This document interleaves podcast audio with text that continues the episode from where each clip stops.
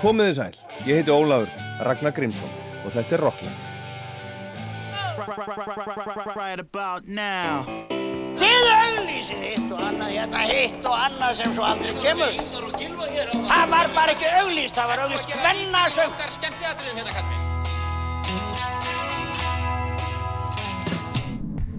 Hvað gerir kvöld? Kíkja á tónleikana? Ekki? Eða ekki beint fyrir mig að vera innan um einhverja brjála úlinga. Hvað minnur þau?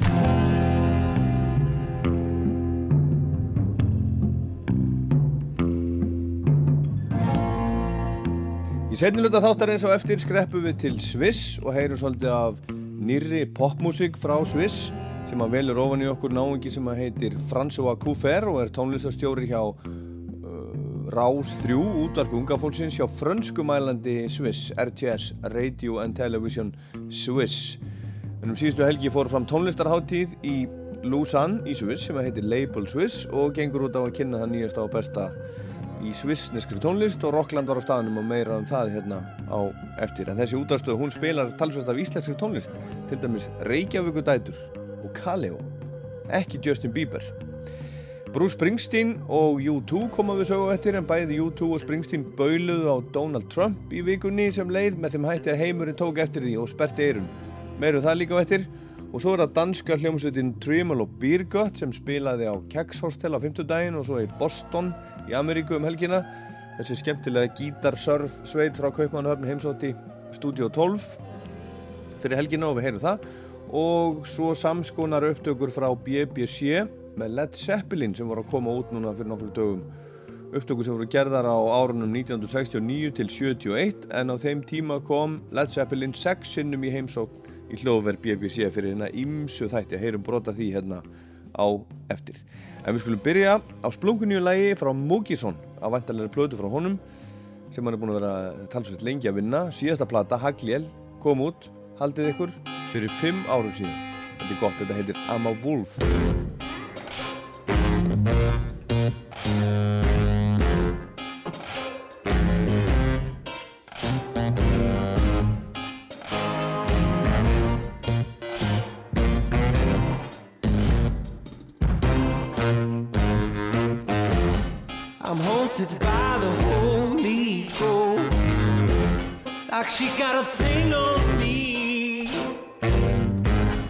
I can't go on like this. It's plain to see. My senses are on overdrive. No steam left to burn. I say I'm gonna go for a drive, but I'll never return, cause I'm a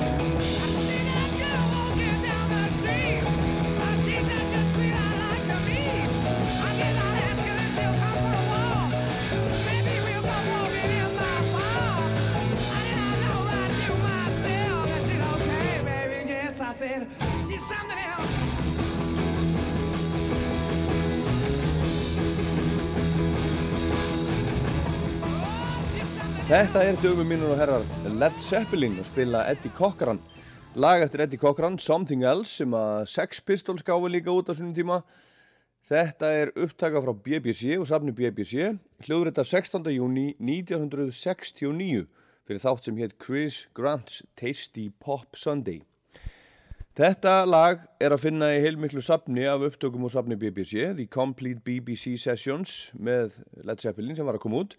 Það kom út diskur eða uh, diskasamt, svona tvöfaldur diskur 1997 með stórum hlut af þessu en núna í þessu safni er hvert einasta lag sem Led Zeppelin tók upp hjá BBC frá 1969 til 71. Þeir heimsóttu BBC sexinum á þessum tveimur árum, komu aldrei í sjónvarpið, þeir er móðgust einhvern tíman er umbósmaður þeirra John Grant ekki John Grant, heldur Peter Grant bauð eh, BBC sjónvarpun að koma og, og taka upp tónleika með Zeppelin í, í markíklubnum, þeir leti ekki sjá sig þannig að þeir höfðu aldrei samband við sjónvarpið og vildu ekkert um sjónvarpið tala en komu nokkur sinnum þarna, sex sinnum í útvarpið BBC útvarpið á þessum tveimur árum og tóku upp þrjú fjögur lög ef liti hver sinn fyrir hérna ímsu þætti. Og nú er þetta allt saman komið út og eitthvað af þessu hafði BBC tapað en sem betur fyrr hafðu einhverjir tekið þættina með lögunum upp, bara heima hjá sér á segurband og með upptökum utan á bæ frá aðdáendum var hægt að klára þetta og gefa út The Complete BBC Sessions með Led Zeppelin. Það eru átta lög á nýju útgáfunu sem að voru ekki með 97 og þar af þrjú sem að voru bara ekki til á þeim tíma. Við skulum heyra hérna eitt af þeim. Þetta tekið upp 23. mars 69 fyrir John Peel.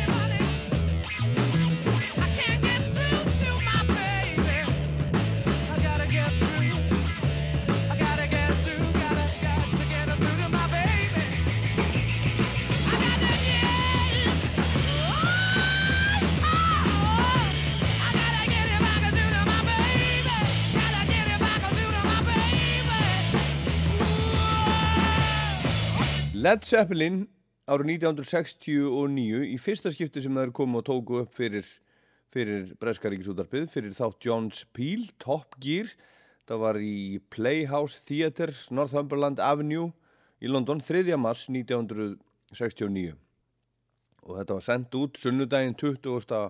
og 3. mars þarna 69 og, og hinn að hljómsveitirna sem að voru í þættinum voru líka svona live upptökur það voru Free, Moody Blues og Deep Purple.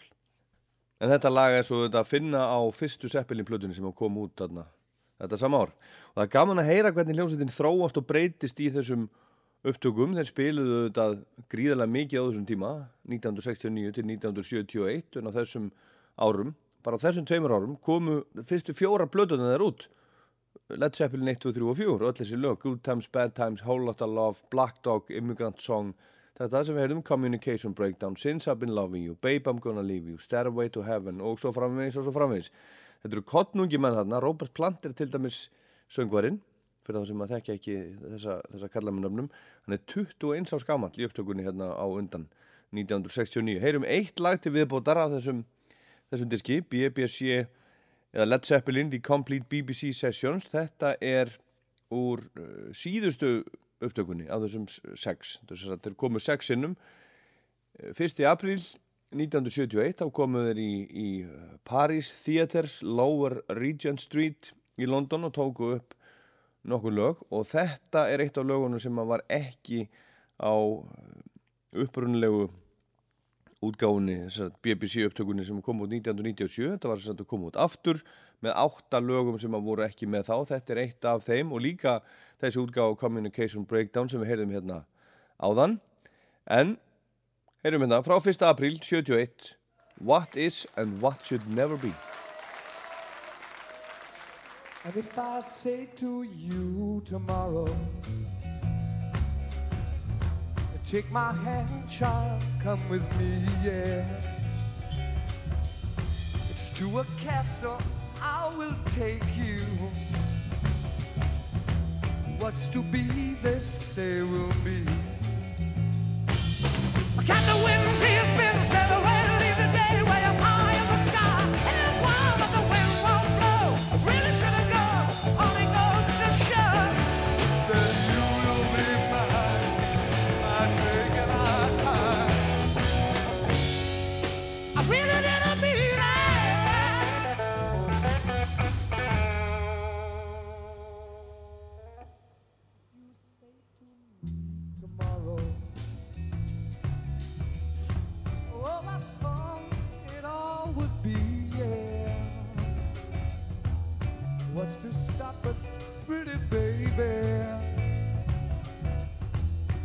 But what is and what should never be?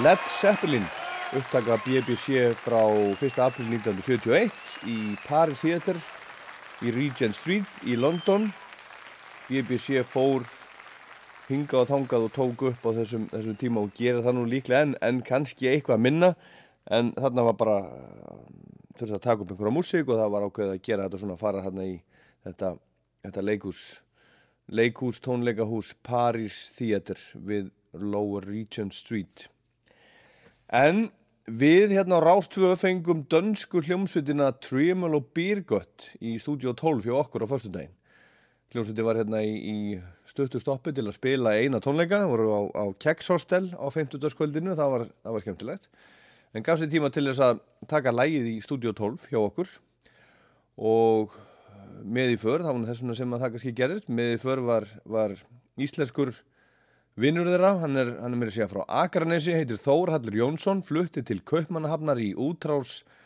12 tóna til Danaveldir á svonum tíma en þegar, þegar það rann sitt skeið á enda og 12 tónum í Kaupmannahafn var lokað varð hann þar áfram og hefur starfað undanfærin áratögu eða svo hjá dönsku Crunchy Frog plötuútgáni sem gefur meðal annars út plötur Trymul og Birgott. En aðalegandin og framkvæmdastjórin er trommari hljómsveitarnar við skulum heyra hérna hvernig þetta var Welcome, velkommen Thank you. Thank you Great to have you here on the show Trymul og Birgott so go ahead All right, our first song is called Caipirinha River Cruise. It's a brand new song. I'd like to dedicate it we made to our friend Toge, who passed away recently. So this is for him. Caipirinha River Cruise.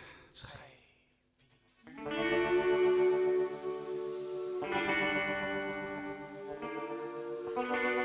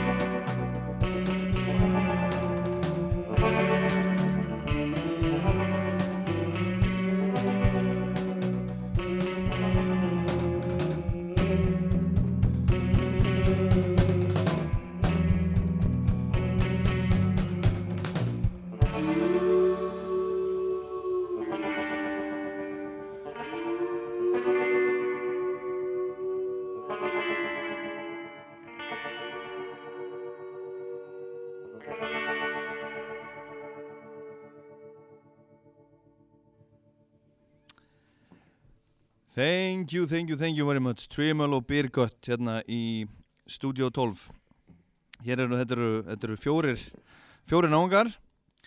Eh, einn kallaður Jebo og einn Jengo. Einn heitir Per og svo er það The, the Great Nalna. Jebo er, er trommarinn. Uh, Jebo is, is, is this the music the kids are swinging to in Copenhagen these days? This is what I mean. This is supply and demand, and and, and, and people are lining up for our shows. you know, this is what they get. You know, they have these uh, these uh, classes in school where they learn to play our songs. So uh, Yeah. So yeah, I mean, it's kind of indoctrination, but I mean, we uh, we earn a lot of money by by, by this uh, system we have in Denmark. So it's great. Já, en ég er búin að segja að þeir, þeir hérna, krakkarnir í skólanum í Danmarku þeir læri þessi lög og þessi eru alveg moldríkir, þetta er náttúrulega tóm, Tom Lee, you're a liar. uh, why you have been playing this this kind kind of music since you uh, formed formed this band? What is it? Uh, Twenty years ago? Or? Uh, it's probably about 17 years ago. Yeah. We, we we started this band up as a as a side project to everybody else was playing in other bands that had kind of serious careers going, and we started this band to have fun, to kind of design a band where you can actually play while you're pretty drunk. you don't have to sing. Pierre was singing in his band X Stone. Uh, uh, who used to be a part of the band, was singing in, in, in our band Psyched Up Janice. I was doing a bit of singing in my band, so we thought we'll just keep our mouths shut, except for drinking, and then we'll we'll play this uh, this great surf music that we enjoy so much. Yeah. And what and why did you you know choose this uh, kind kind of music? frankly, we were we love this kind of music, uh, and we there was a band in, in Copenhagen called the OK Kings that used to play this style, also kind of pretty hard hitting and, and you know sexy dark stuff, not just like happy go lucky surf, and we loved that band, and they stopped playing, so we were like, oh. Now we don't have any surf music to listen to, you know, go out and drink beers. So uh, we thought, well, we'll make that band, I guess, and then uh, so, so that's how the, the, the band started and and why we we we, we, we play this stu- this stuff we do. Já. Yeah. Já, hann Jebo Trommari segir að þetta sé bara þeim, þeim, þeim finnst þetta skemmtileg tónlist, þetta er tónlist sem er hægt að spila þegar maður er búin að fá sér, fá sér einn, maður er náttúrulega ekki að aka eftir einn en það er alltaf að, að spila svona músík þegar maður er búin að fá sér, fá sér einn. Og þetta var til sem svona auka, eh, auka hljómsveit hjá, hjá Jebo og, og hljómsveitinni sem hann var í með, með súnevinni sínum, Psyched Up Janice en þeir eru að fara að spila í Boston bara núna á morgun. Þið voru á, á, á uh, Keks Hostel í gær. How was the show, show last night at Keks? It was fucking amazing. I mean, it was it was crazy. We we weren't allowed to have smoke. We usually have a lot of smoke, but we had, I mean, we have the what you call the Northern Ljos Yeah. uh, was you know coming out of everybody's ears, and uh, it was it was it was amazing. Lots of beer being thrown around in the room. Uh-huh. It was it was pretty crazy. Uh, I must say, we had a great time. We're pretty hungover right now, so uh, I'm sure you can't hear that on the recording. No. but, yeah. So, next song please Trimmal og Birgott Clayton's Hot Rod. Thank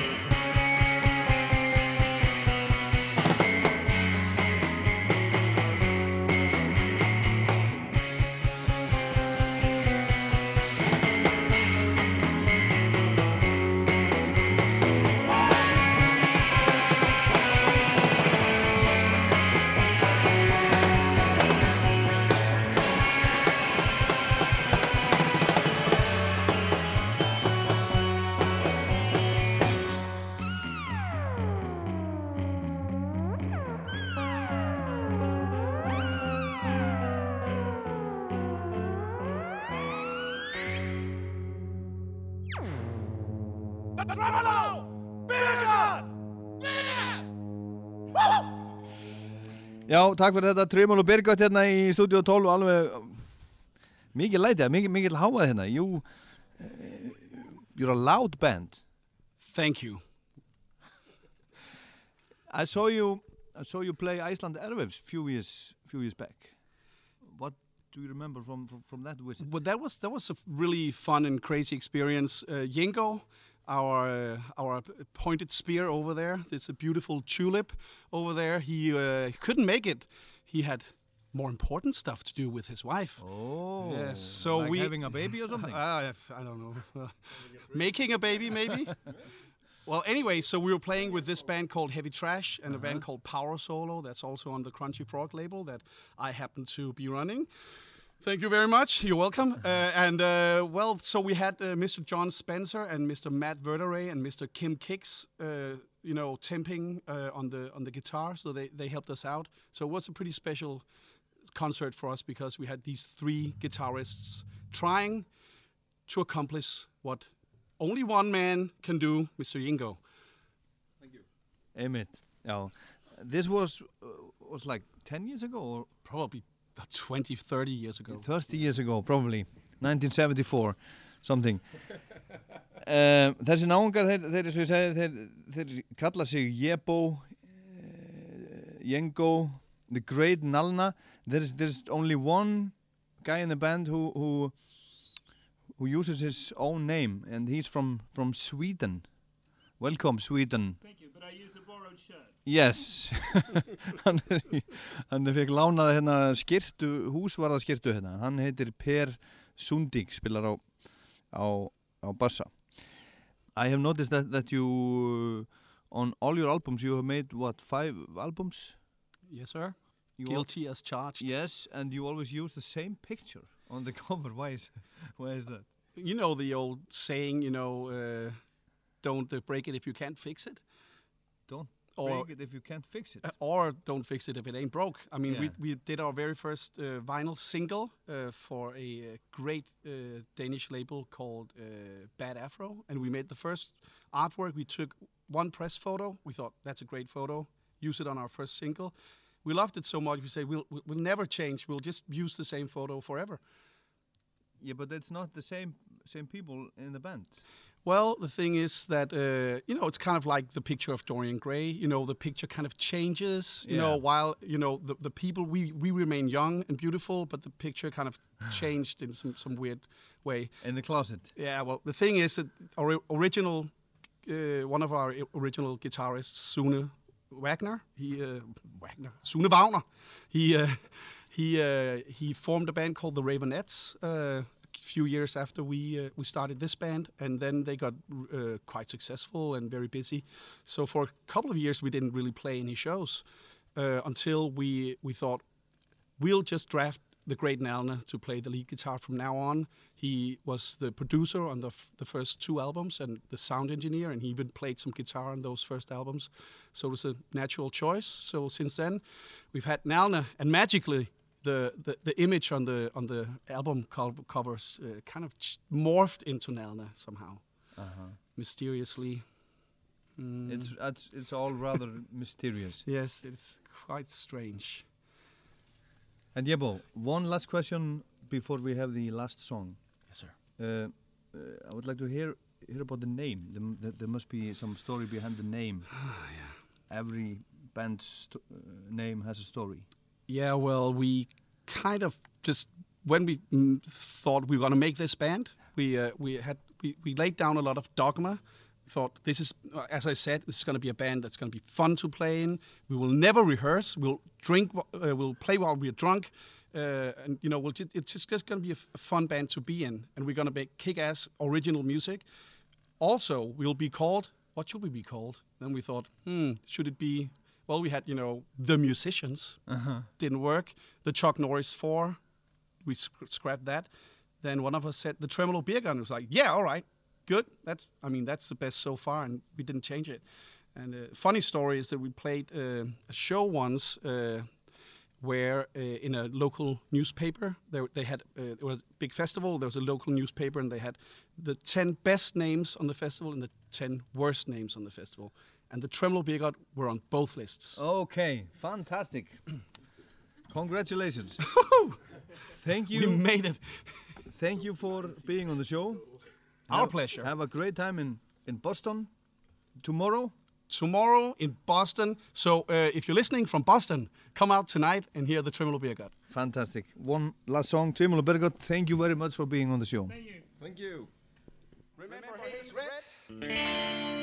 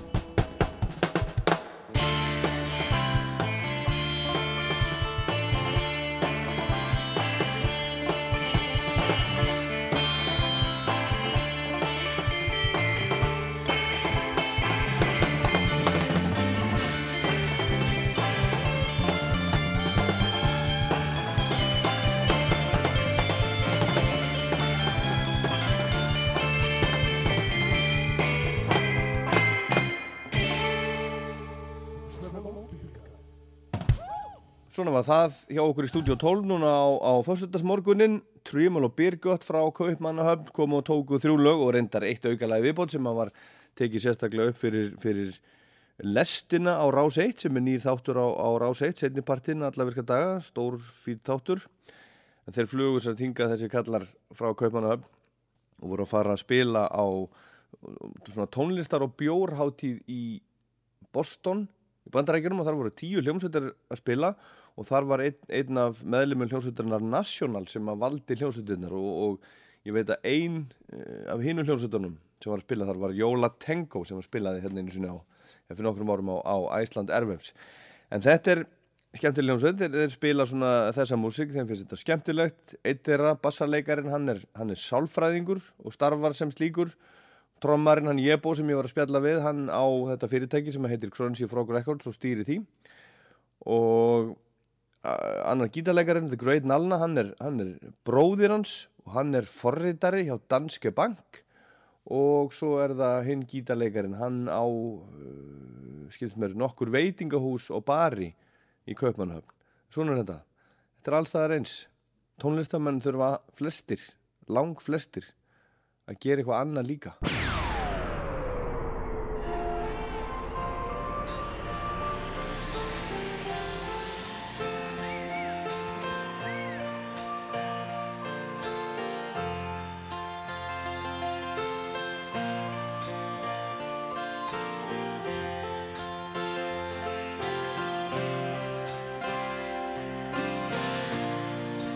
Independence Day.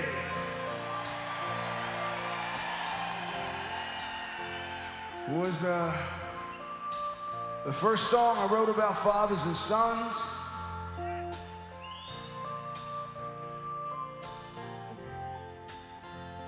It's the kind of song you write when you're young.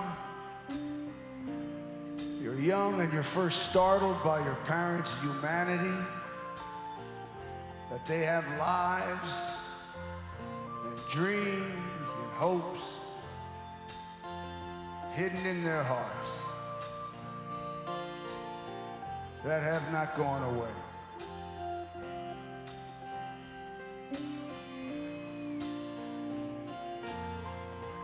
But at that age, all you can see are the adult compromises they've had to make have a life. And you're still too young to notice the blessings that come with those compromises. So all you see is a world folding in, folding in, folding in upon itself. No place to go.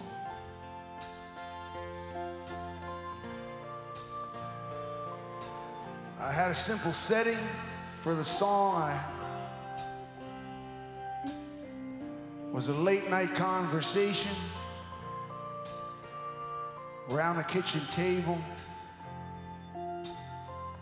between two people that loved each other but struggling to understand one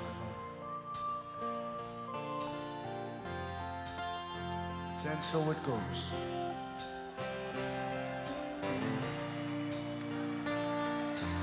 Papa, go to bed now, it's getting late. Nothing we can say is gonna change anything now. I'll be leaving in the morning from St. Mary's Gate. We wouldn't change this thing, even if we could somehow. Cause the darkness of this house has got the best of us. There's the darkness in this town that's got us too. They can't touch me now. You can't touch me now. They ain't gonna do to me what I watched them do to you. So say goodbye. It's Independence Day. It's Independence Day all down the line.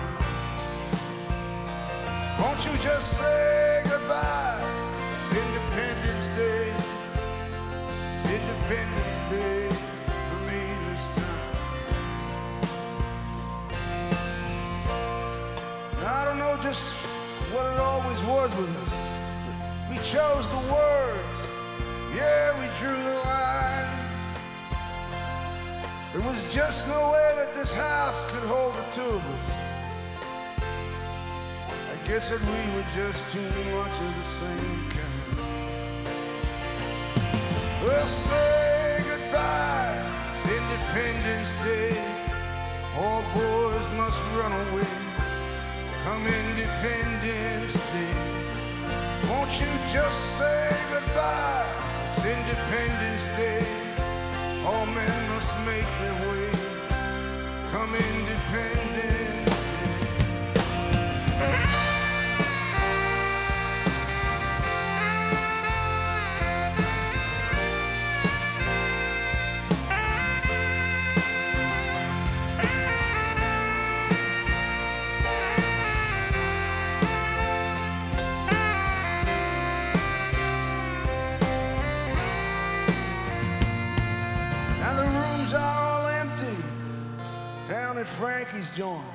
Þetta er The Boss eins og hann hefur verið kallað mjög lengi. Bruce Springsteen á tónleikum í Seattle í bandrækjunum í massa þess ári.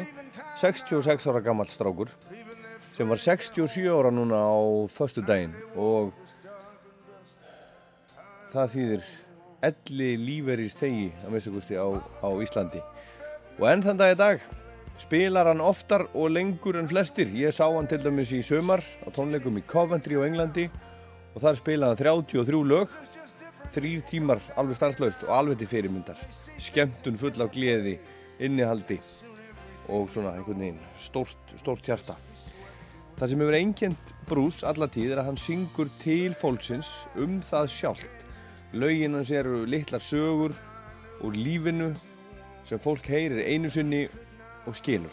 Það veit hvað hann er að segja. Hann er hreitn og beitt, laus við tilgerð og kaltæðni Hann er bara þessi gaur í gallaböksunum og með telekasturinn framann á sér að syngja um mig og þig. Þetta lag sem við heyrðum hérna til dæmis, Independence Day, kom út á 50 plötunans, því River árið 1980 og var svo líka reyndar á bjelliðinni á River smáskífunni. En þetta er lítil saga, bara fjölskyldu, pappin og sonurinn er alltaf eitthvað í einhverjum átökum, alltaf að rífast, sonurinn orðin fullorðin og hann er búinn að sjá að þetta gengur ekki lengur, hann er bara, hann er farinn, hann fluttur á heimann, hann er farinn. Independence Day. Það er stór dagur á morgun, aðra nótt, þegar, þegar fósetta frambjöðundunir sem að taldir eru líklegastir til þess að, að landa embætti fósetta bandarækjana, Hillary Clinton og Donald Trump, takast á í kappræðum á Long Island fyrir fullu svalafólki sem verður svo líka sjónvarpað frá, frá beint. Það er mikill spenningur fyrir þessu. Gríðarlega mikill, eðlilega. Það er bara hreinlega tvísýnt um það hver mun hafa betur í þessum kostningum. Ótrúlegt enn satt. Þetta er þessi sérstök staða sem heimurinn stendur fram með fyrir.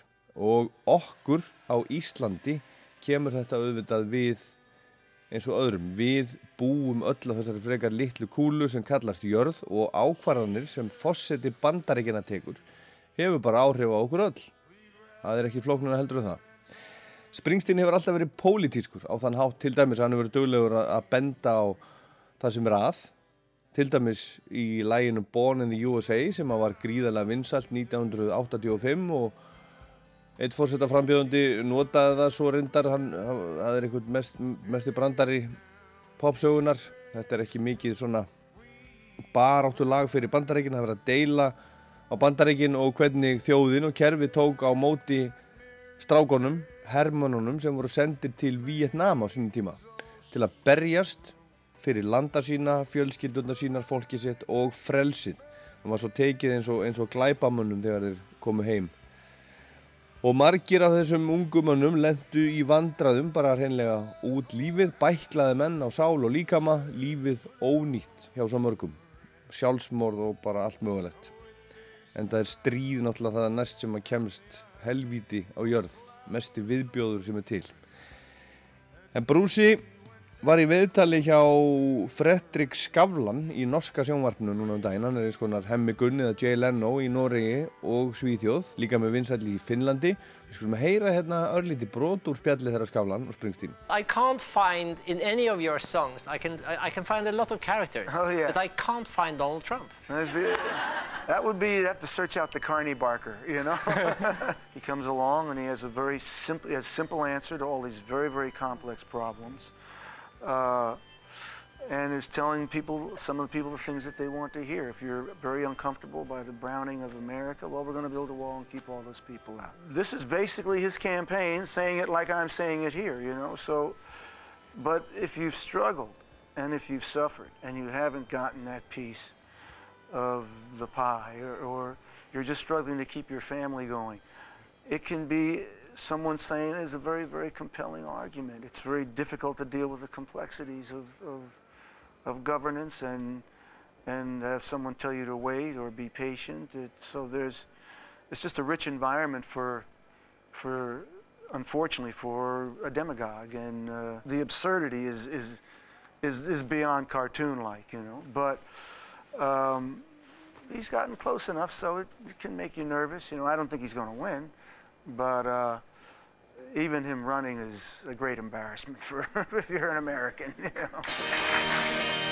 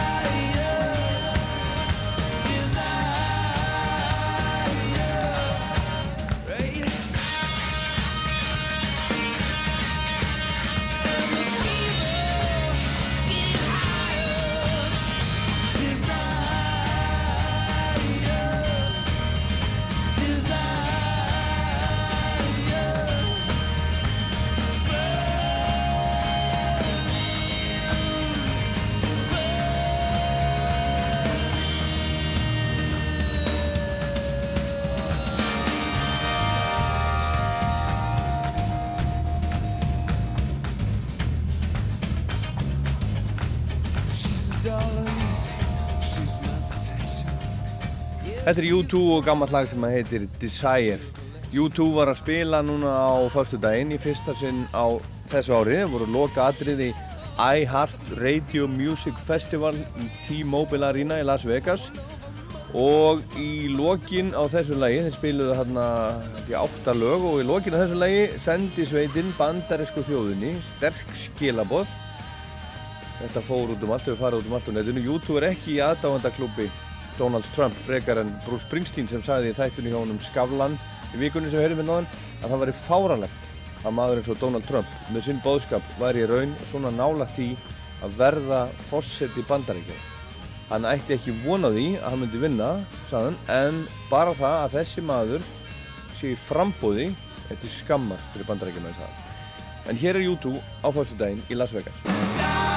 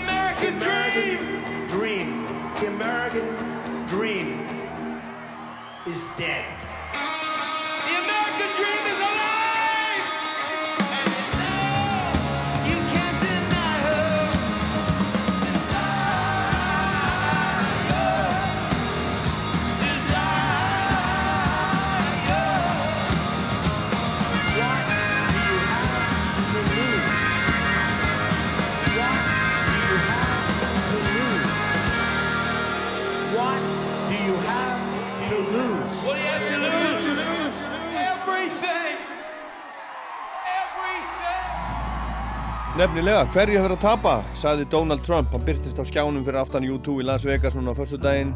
Öllu, sagði Bono þá. Og það er nefnilega málið, þegar fósetti bandarækjana er valinn, er allt undir. Bókstaflega allt. Við skulum heyra hérna næst gamalt lag eftir U2, flutt af Patti Smith og svo förum við til Swiss. Hérna rétt á eftir. Haven't seen you in quite a while. I was down the hole just passing time, and last time we met was a low lit room. We were as close together as a bride and a groom. We ate the food, we drank the wine. Everybody having a good time except you. You were talking about the end of the world.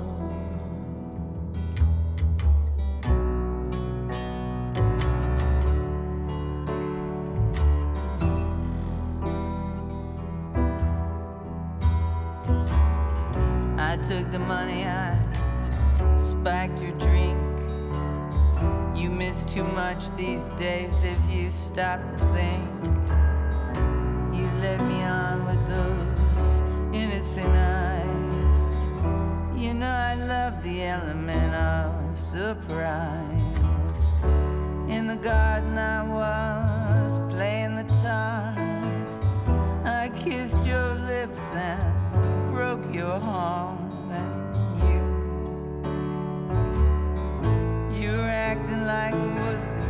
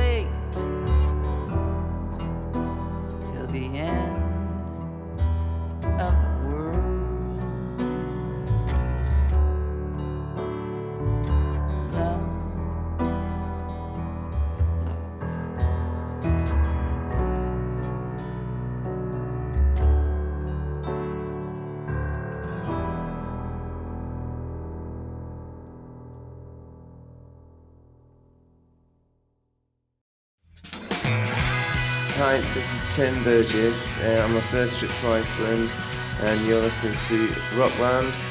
And uh, just about to walk on stage, so I'm gonna go out. Take care.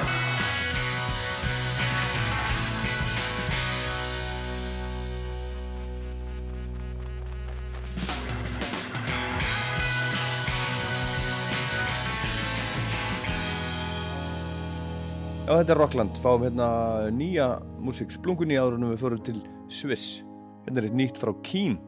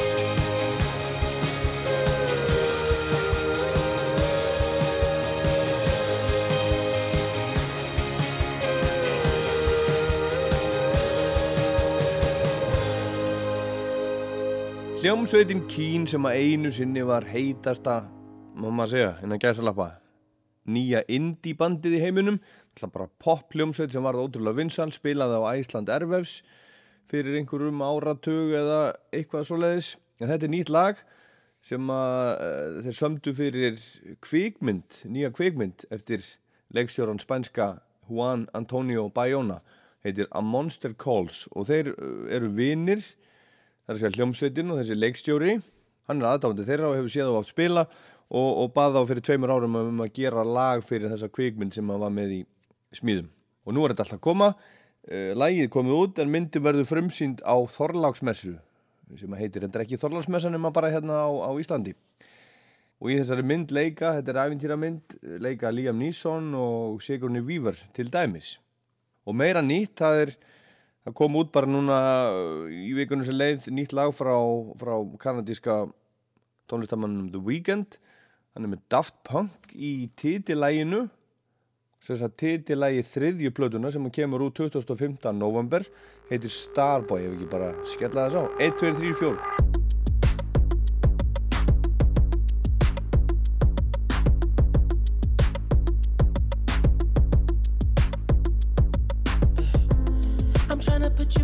Christmas.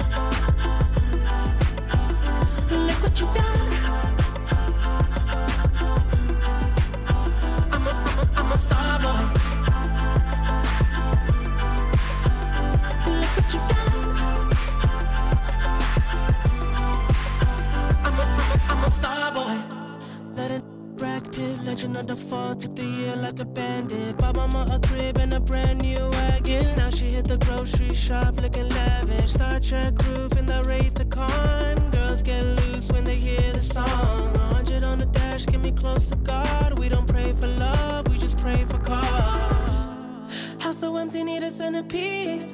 20 racks a table cut from ebony. Cut that ivory into skinny pieces. Then she clean up with her face, when I love my baby. You talking money, need a hearing aid. You talking about me, I don't see the shade. Switch on my side, I take any lane. I switch on my core if I kill any pain. Look what you done.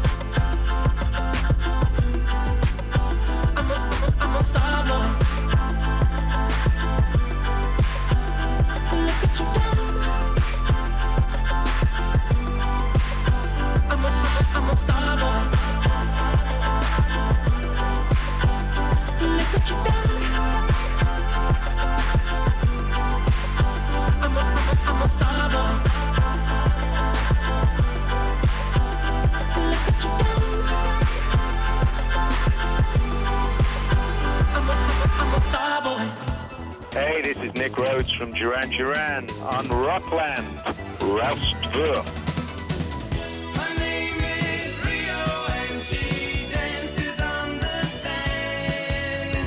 Rokkland var í Svissum síðustu helgi.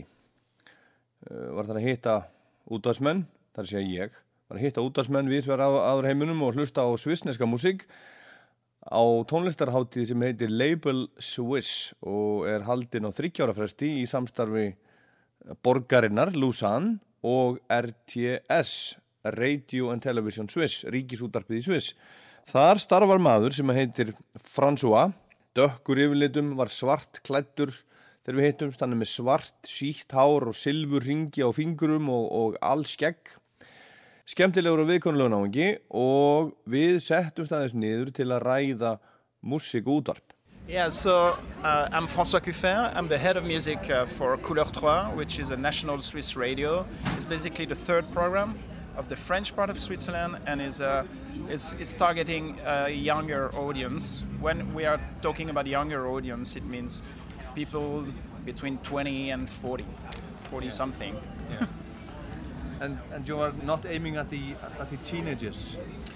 I mean, we would like to, but that's one of the main problems in, uh, in I think everywhere in the world with radio right now is like teenagers and young people they don't really listen to radio anymore. Why is that? I don't know. I mean, it's, it's something we are really thinking about. I mean, it seems that there are more and more. I mean, on the um, on internet and YouTube and using all this kind of a of media and less the radio. Maybe radio appears to them like being the parents' media and not really a young media. So it's a, it's a hard work because at the same time, if we want to target teenagers, we would play music that would make our audience run away because the teenager music is sometimes not really the same that older people are listening to. Yeah. So what kind of music are you are you playing at the station? I mean, it's it's a really interesting radio station because we don't really play commercial music. We play some commercial songs and bands like maybe Coldplay is one of the most commercial things we could play, but we, we will never play anything like uh, Justin Bieber or or uh, Britney Spears or stuff like that.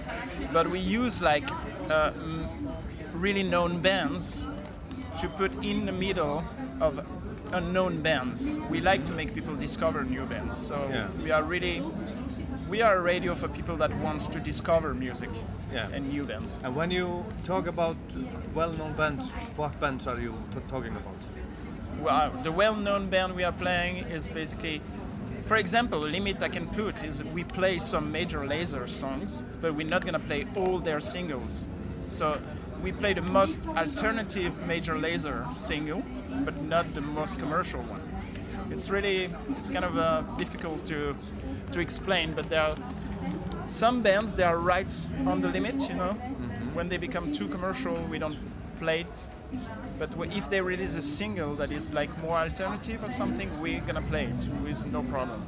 But for example, people like Justin uh, Bieber, we're not gonna play anything from that because even the personality of the of the of the artist doesn't really correspond to what we are defending. Interesting. So, where does this um, idea come from? You know, is it is it uh, coming from the government, or you know, is it is it that the uh, It's not- public radio should not play commercial music? Okay, that's okay. That's an interesting point because there is two things. There is an heredity of Couleur 3 because now it's more than 30 years that we are broadcasting, and it's always been like that. Like that, we always had. It was really important for us to introduce new bands to make people discover new music. But at the same point, what you said is really interesting because usually when you are a national radio in Switzerland, you're not supposed to do the same as commercial radio. So you're not supposed to be a commercial radio because that's what commercial radio are for, and us because we are paid by by Swiss people, uh, we have to propose something else, more wider, culturally culturally talking is a wider influences and more discovery and more unknown stuff. If it's just to play like the top ten, it wouldn't be, we wouldn't really uh, answer what we are supposed to do. Já, þetta er François Coufert sem er tónlistastjóri Couleur 3 sem að er hugsað sem útvarp unga og opna fólksins í Sviss einbytti sér aldursopnum 20 til 40 ára meira en unglingum vegna þess að það er bara eins og að þeir séu ekki að hlusta á útvarp almennt. Það er sama staðanum um alla Evrópu og jafnvel um allan heim. Þeir ná sér í sína músík eftir öðrum leiðum, YouTube, Spotify og svo framvegis. Útvarpið er hugsanlega almennt miðill foreldrana en þetta er nú það sem útvarpsfólkum allan heim er að, er að spekular og velta fyrir sig og búið að gera árið saman. Og hann François segir að með því að spila músík fyrir unglingana sem eru ekki að hlusta, þá fælist jafnvel þeir sem eru að hlusta frá stöðinni. Þetta eru mikla pælingar, allstaðar eins. En François segir að, segir að stöðin hans, Couleur 2, sé útvarp fyrir fólk sem vil uppgöta nýja músík og ekki bara heyra alltaf sama lægið. Þeir spila ekki Justin Bieber til dæmis, ekki unglinga vinsalda pop heldur frekar svona svolítið skrítið og óþekkt. En hvers vegna? Jú, vegna þess að Couleur er, er hluti af ríkisútarpinu í Sviss sem er fjármagnað með skattpeningum og tilgangurinn er ekki að eldast við það allra vinsalasta, top 10, það eru aðrir í því. Okkar hlutverk er að kynna fyrir fólki þar sem það heyrir ekki og sér ekki annar staðar. I'm a supermoon, I'm your friend in blue. I couldn't be more perfect. I'm a supermoon,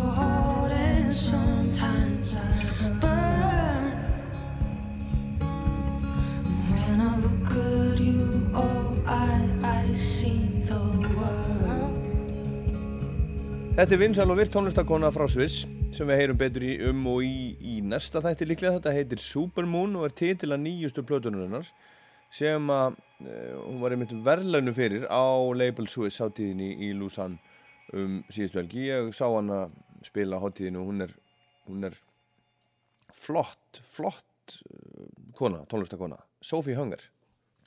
En heyrum betur í honum François Couffert, tónlistastjóra Rása 3 hjá Ríkisútarpinu í Sviss franska hlutan, nota bene. And, and we are here to uh, do some, some introduction of, of, of um, new music from Switzerland that you are actually playing. Yeah. So you have, have, have uh, chosen a few songs for us. Yeah, I've chosen a few bands, but I just want to explain something about Switzerland, if you're okay first. I mean, Switzerland is a, is a weird country because it's a small country, but we got four different languages in Switzerland, which means we got four different part of Switzerland, and sometimes it's really hard to connect in between these parts, even if the country is small. Yeah, so it's a small country with like four countries within it. Exactly. Yeah. That's- and what and what languages are that? So we speak on, on my part of Switzerland. We speak French.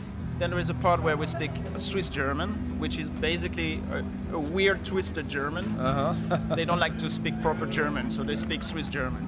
And there is a part of Switzerland where they speak Italian. And then there is a part of Switzerland where they speak a really weird language, which is really unique, which is called Romanche. Which is, uh, it sounds really weird because it's a mix between a little bit of German and Italian and some French roots too. It's, it's kind of a mix, but it's really interesting. I'm gonna make you uh, listen to a song from a guy from this part of Switzerland which sing in this language. So you might kind of maybe you're gonna like it because being Icelandic too, you have a strange language too Yeah. for us. yeah, yeah. I guess so. Okay. And and what is this um, artist? So, so if we were talking about the guy uh, speaking the weird language, there is this guy. He's called uh, Paul Gamboni, and uh, he's, a, he's, a, he's a kind of solo artist actually, and he sings in his weird language, Romanche. And it's, um, it's, it's uh, really what I admire with these people coming from this part of Switzerland. It's, it's really small. Their language is really not spoken by any people, and they have to make themselves known in Switzerland. So it's a hard, hard work for them. So maybe it's hard for him to, to get known in Switzerland, but maybe he's gonna get famous in Iceland because of you. So thanks to you. It's called Paul Gamboni, and uh, the song is called Paul.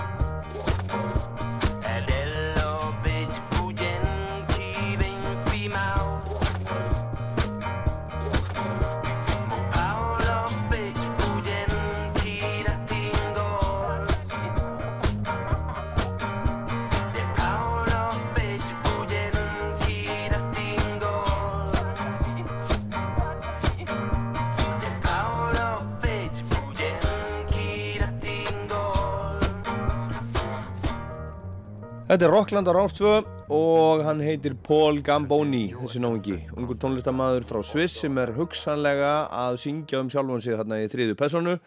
Páll kann illa við januar, hann kann illa við modnana og hann kann illa við það hann Paul þegar einhver er að reykja en hún er fyrir skaman þegar það er skorað. Þetta valda fyrir okkur hann François Coufer, tónlistastjóri Rásar 3 hjá Ríkisútarpinu í Sviss, frönsku mælandi hlutans. Það eru nefnilega fjögur tungumál jafngild í Sviss, franska, þíska, ítalska og svo romans, eiginlega fjórar þjóðir í litlu landi. Og hann François segir að það sé oft erfitt fyrir tónlistamenn að ná flugi, e, jafnvel innan Sviss á öðrum málsvæðum en þeirra einn.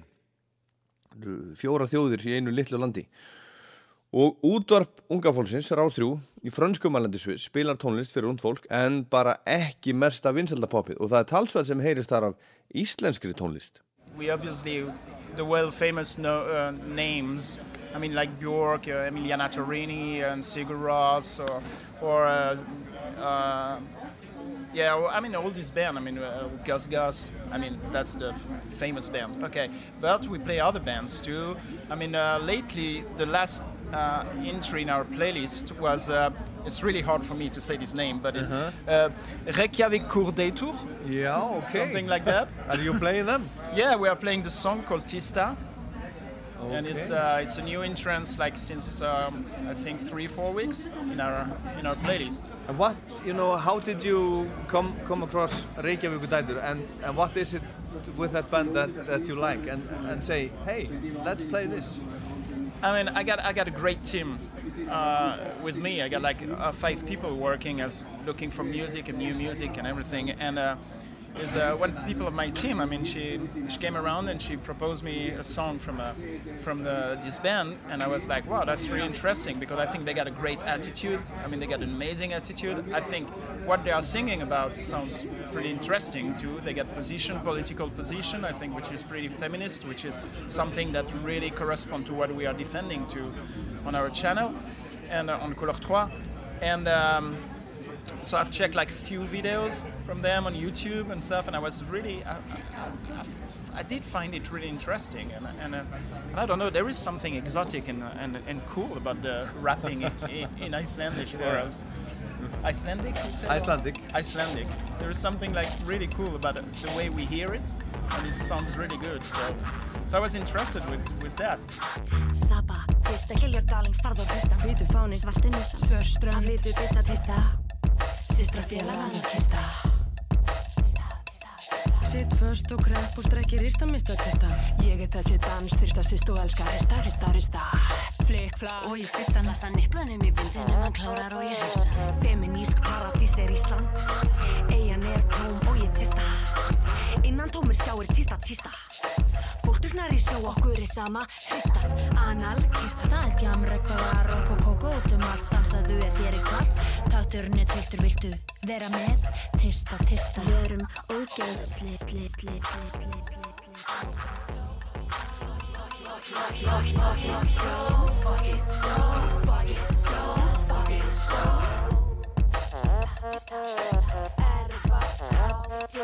Bitch, ég er að enga þetta just letting your get on. Bera neðan í fong og ég flengi drengi Sanna lengi, lengi. Leik og renni, sleiki, shake, tjestrygg meðan að þeir sofi Setti smettið í klófið og sunda á mér ofið. Slafraði barmana, svolgraði savana. Kafaði í hafi sem ilmar af fisk. Sleiktu svo á með pepperoni, ég bitch. Gefðu mig það á minn græna fæna disk. Grautar sleikju og grútúldin fisk. Sittið í sakata, dagata, farða flakata Ekkert breytist nema þú kýsta STG, farð á hristan. Tortóla í tortinum, gullkista Seljum sálina til satans og tóttum þú resta. Og þú veist að þú veist að Stjórnum blik og byrta börnum munu skilt bíjandi til á þessum hæst. Fyrsta Viltu skipta þér af því Því að núna veistu að samfélagið er ekki hvít Það er aflita Abana, Kevala, Reykjavík, Rottujam Bjarnabóa, Ben, Ben með peng, pen og Panama. Sem krem og damana, salkóa, nörd og banana. Villinga, kettlinga, hernum þeim er ekki saman. Hvað við rokkum þetta saman, logo, logo, læðu saman. Ég mann því sáttu bíðandi eftir breytingum á meðan við röppuðum þetta dæmi Berar að neðan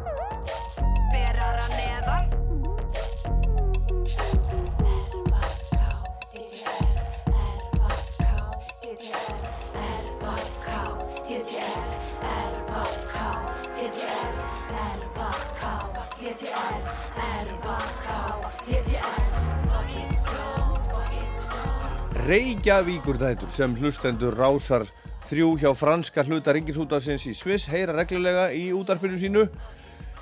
Það var einhver úr tónlistaráðustöðvarna sem var komið þetta á, á fund þar sem er verið að ákveða hvað á nú að spila, hvað eigum að spila núna, hvað eigum að setja á playlistan, hvað er, er einhver með eitthvað gott og þá var einhver sem kom með þetta og það var ákveðið að setja þetta lag í spilun eins og sagt er.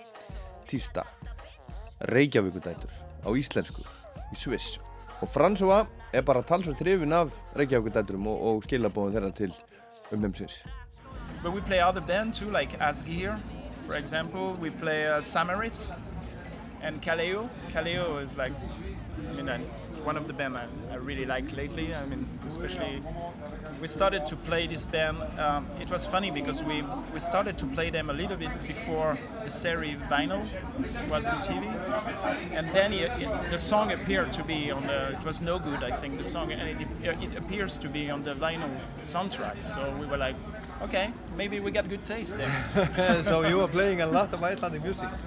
That's yeah, good. Interesting. We try to. We try to. You get lots of good music coming from Iceland. Very good. So. And now we are playing good music from Switzerland on Icelandic radio. Yeah. So, I mean, we always get this idea that in Iceland you get like a you you like weird music. I don't know why we get this idea. So, I wanted to propose you um, uh, a friend, a Swiss singer.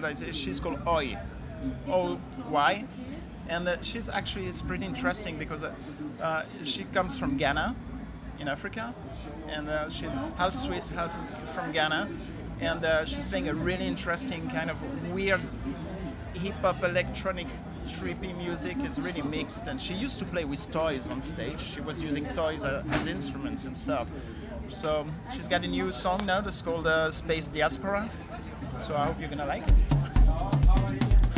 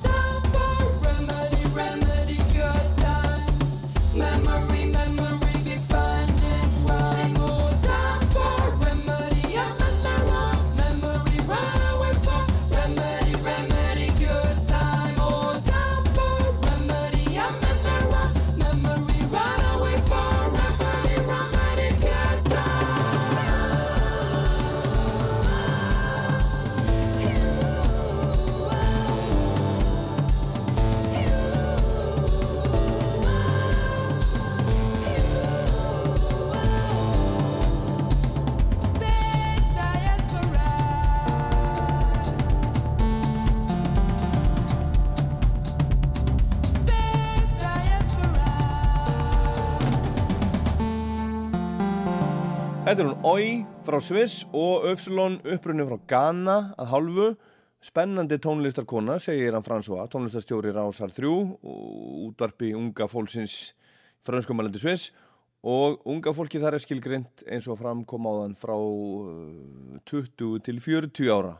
Þeir spila ekki mikið af vinsaldapoppi heldur allt mögulegt annað og þetta er ekki bara gert einhvern veginn og að því bara þetta er jú ríkisútarpi, það gerir svona segir þér. So, Francois, more music. more music. You want more music from switzerland so i did introduce you to like some uh, weird uh, music in romanche and uh, and then another music that was kind of twisted. So let's go like more straightforward because there is this band from the french part of switzerland. It's called the rambling wheels. And um, they're pretty i mean they're getting pretty famous here. They got amazing live shows i mean they are kind of um, inspired by um, 60s vintage rock pop rock. And um, but they do great live shows. And um, they, are, they are getting really good too at doing video clip. So the song i wanted to propose you is called Uh, it's called uh, "Stories Upon My Upon Your Lips."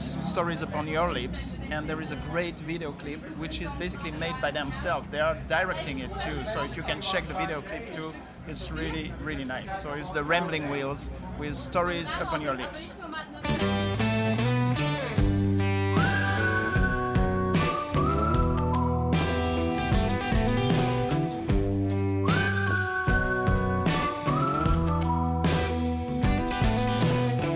Hey, honey, you can be all you want. Angel or devil, take your pick.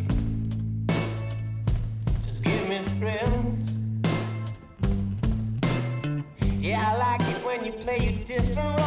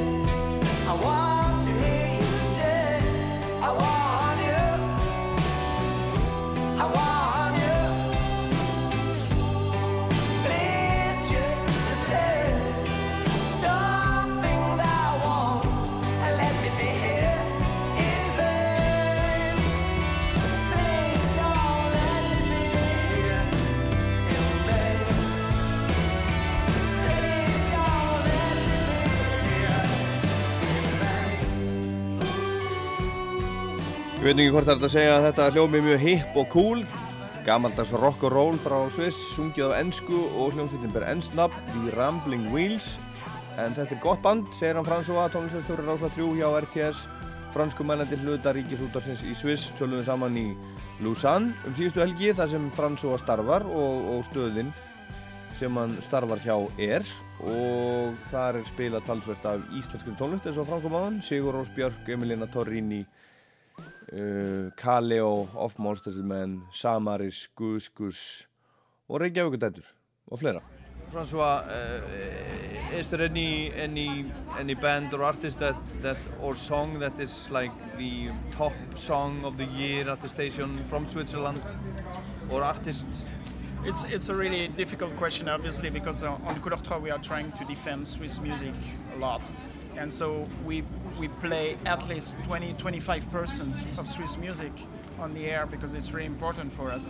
But uh, um, there is one artist, it's a girl from Zurich, that really released a really good album uh, this year. She's called Verena van Orsten, and um, she's really interesting because the subject of the album, she made it after a huge crisis. Basically, she um, she lost a brother. Her brother did commit suicide, and she wrote a whole album about it. And it could sound really creepy, and like the sound, the album's gonna be really sad, and the live shows are gonna be really sad. And actually, it's not. I mean, the album is is kind of twisted and tortured a little bit, but then live, she made it a big party, which was really interesting to take like something really dark and make it not so dark. And what is interesting too is like she's really uh, uh, telling people that uh, if you get depression problem or anything, you you can get in touch with her and she's answering and she she wants to be really close to the people. So she's called Verena von Orsten and the song is called the the the hymn, the hymn.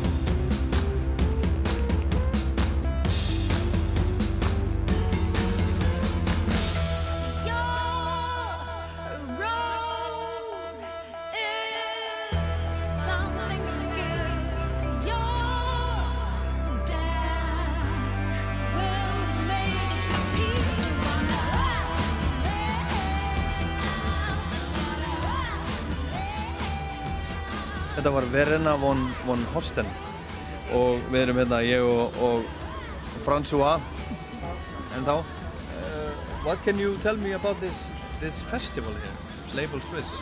Label Swiss is, is basically a festival we has, that has been created by the, um, our radio, so RTS, which Couleur 3, my radio, is part of RTS, and uh, we did create this festival a few years ago, and it was really a way to introduce and to present the Swiss bands to the Swiss audience, because I mean, as we talked before, I mean, it's like there is four different languages and four different part of Switzerland, and sometimes it's really difficult for a band coming from the German part to play in the French part.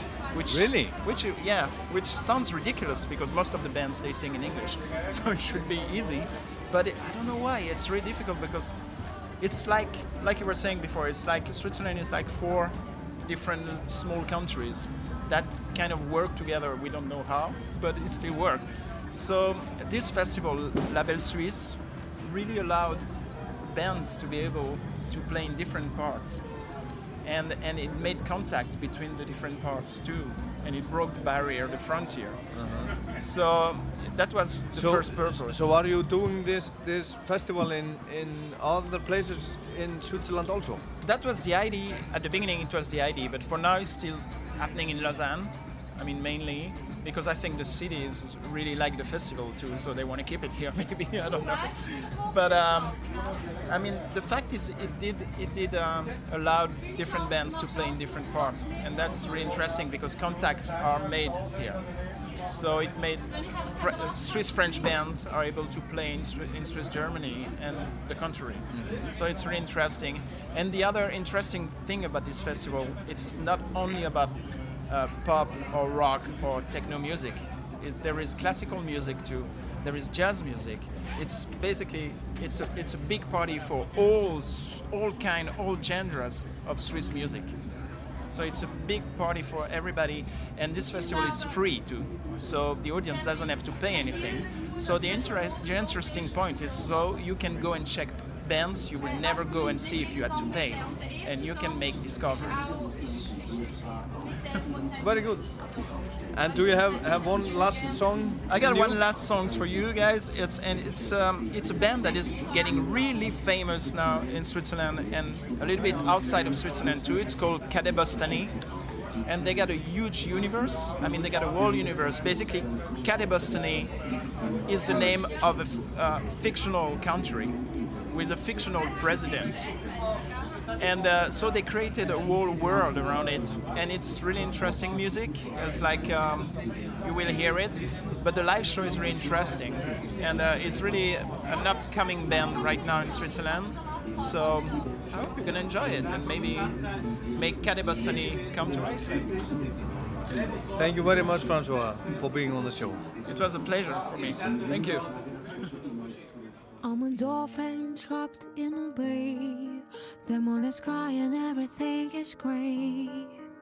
I wish I could run away.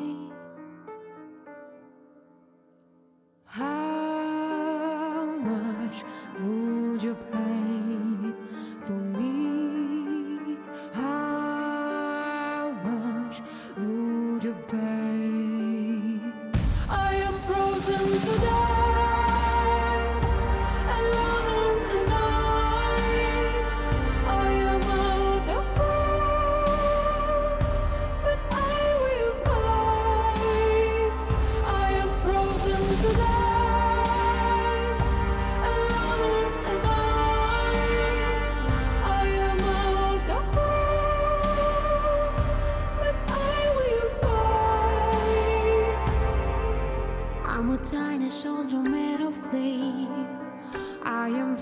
by a cosmic ray, waiting to find my own way.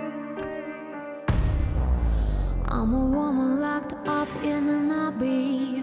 My caves are delightful sorbet. Would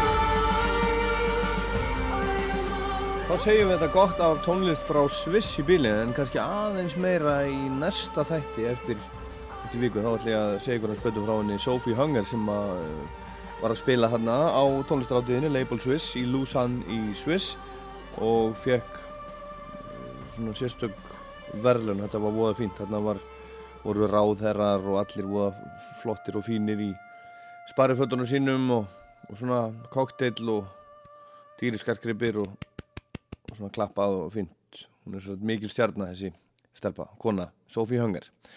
En núna á miðugundaginn síðasta þá fagnaði Leonard Cohen 80. og öðru ammali sínu og hann gerði það með því að senda frá sér nýtt lag sem að heitir You Want It Darker og það er titilag plötu sem að kemur út 21. oktober 14.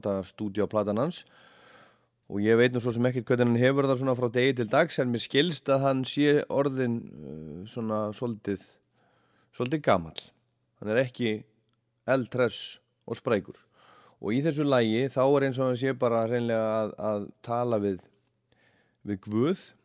Hann er auðvitað gýðingur hann er af, af gýðingaættum og hann segir í læginu Hineni, Hineni, I'm ready my lord. Og Hineni er hebreska sem þýðir Here I am og er í rauninni nákvæmlega það sem að Abraham segir við Guð þegar Guð segir eins og Dylan segir í læginu Kill me your son. Og það eru fleiri tengingar við geðingdómi í þessu lægi til dæmis segir hann í textanum magnified, sanctified by the holy name willified, crucified in the human frame a million candles burning for a help that never came. You want it darker. We kill the flame. Cohen sendi frá sér frábæra tónleikaplötu fór tónleikaferðum heiminn gaf út tvær frábæra tónleikaplötur í rauninni. Og þar er með honum Sharon Robinson vinkonan sem hann var að spila bara í síðustu viku á, á Rosenberg. Og þar var alveg smekk uppselt og, og vonandi kemur hún bara aftur en Cohen hefur ekki komið fram á tónleikum núna í, í þrjú ár og, og svona sögur segja að hann sé, já hafi verið hressari. En hann var allavega 82 ára á miðugundinu síðustu viku, sendi frá sér þetta lag sem er loka lag þáttarins í dag. Ég laug í uppafið þáttarins. Ég heiti ekki Ólaður Ragnar Grímsson heldur Ólaður Pál Gunnarsson. Takk fyrir að hlusta. Þetta var Rockland. If you are the dealer, I'm out of the game. If you are the healer, means I'm broken and lame. If thine is the glory, then mine must be the shame. You want it darker. We kill the flame.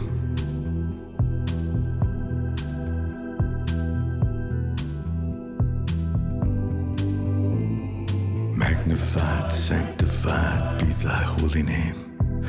Vilified, crucified in the human frame. A million candles burning for the help that never came. You want it darker.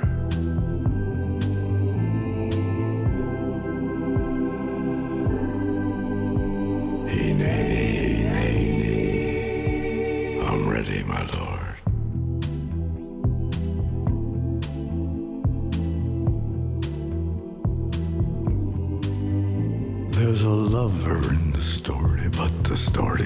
same. There's a lullaby for suffering and a paradox to blame.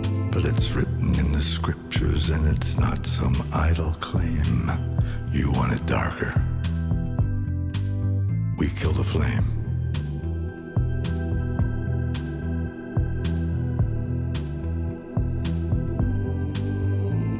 They're lining up the prisoners and the guards are taking aim. I struggled with some demons, they were middle class and tame. I didn't know I had permission to murder and to maim. You want it darker.